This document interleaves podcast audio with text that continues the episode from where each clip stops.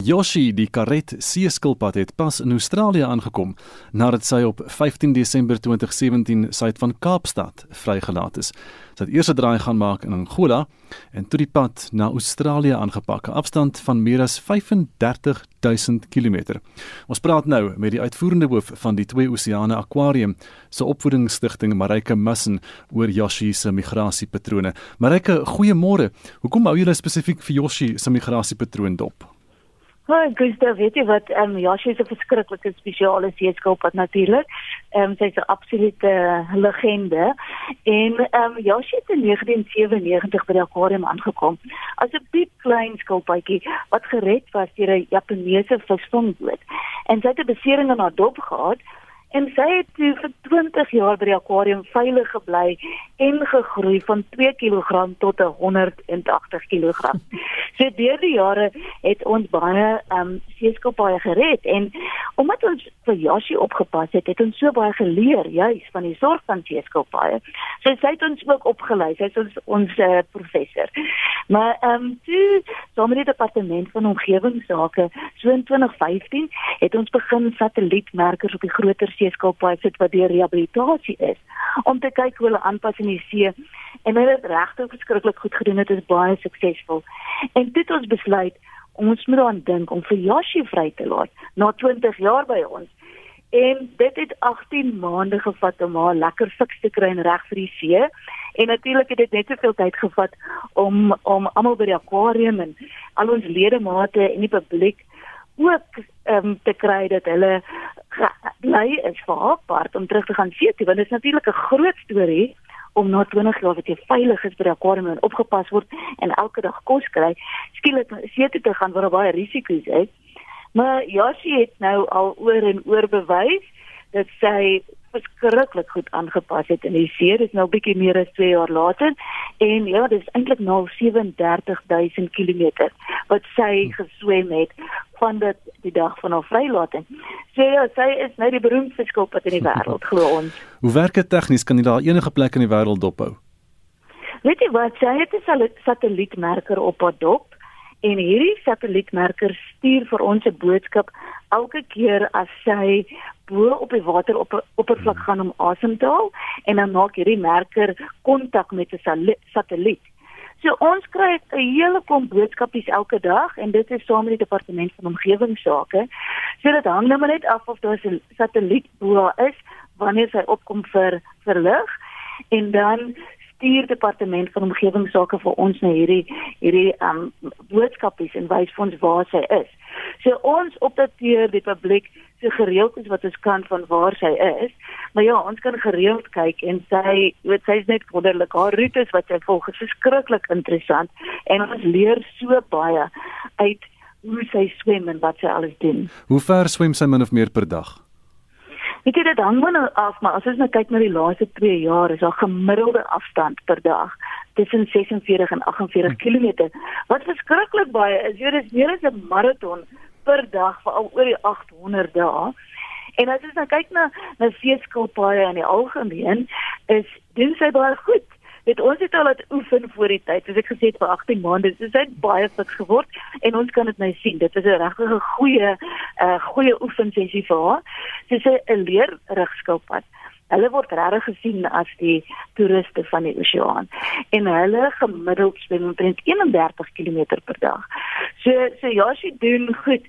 Seeskilpe natuurlik is nogal ehm um, slim want hulle gebruik ook seestrome om hulle te help. So gewoonlik swem hulle aktief met omtrent vir 2 ure per dag. Maar nou elke keer as ons kyk waar is Yashi dan sien ons sy swem al weer stroom op. Dit is 'n bietjie van 'n rebel. Ehm um, maar sy definitief die Suid-Indiese seestroom goed gebruik op haar roete na Australië. So ja, 46 tot 48 km per dag is 'n baie goeie afstand vir 'n seeskilpad.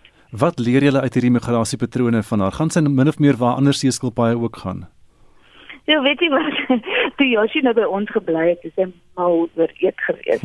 Sy voertyd was die beste van ons kan sien soos hy beweeg. Dit is nog steeds is mal is oor eet.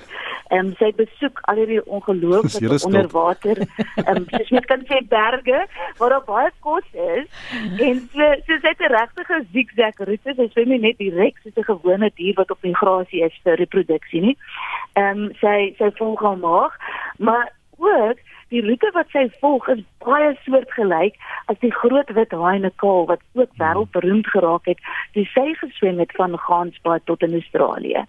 So daar's definitief 'n onderwater, weet, hoofpad van hier tot in Australië wat die diere moet volg en hulle gebruik baie interessante metodes vir navigasie en en seeskilpaaie meestal die magnetiese velde om die aarde En ek sê maar altyd vir mense sit 'n ingeboude GPS, jy weet jy weet nogal goed waar jy gaan.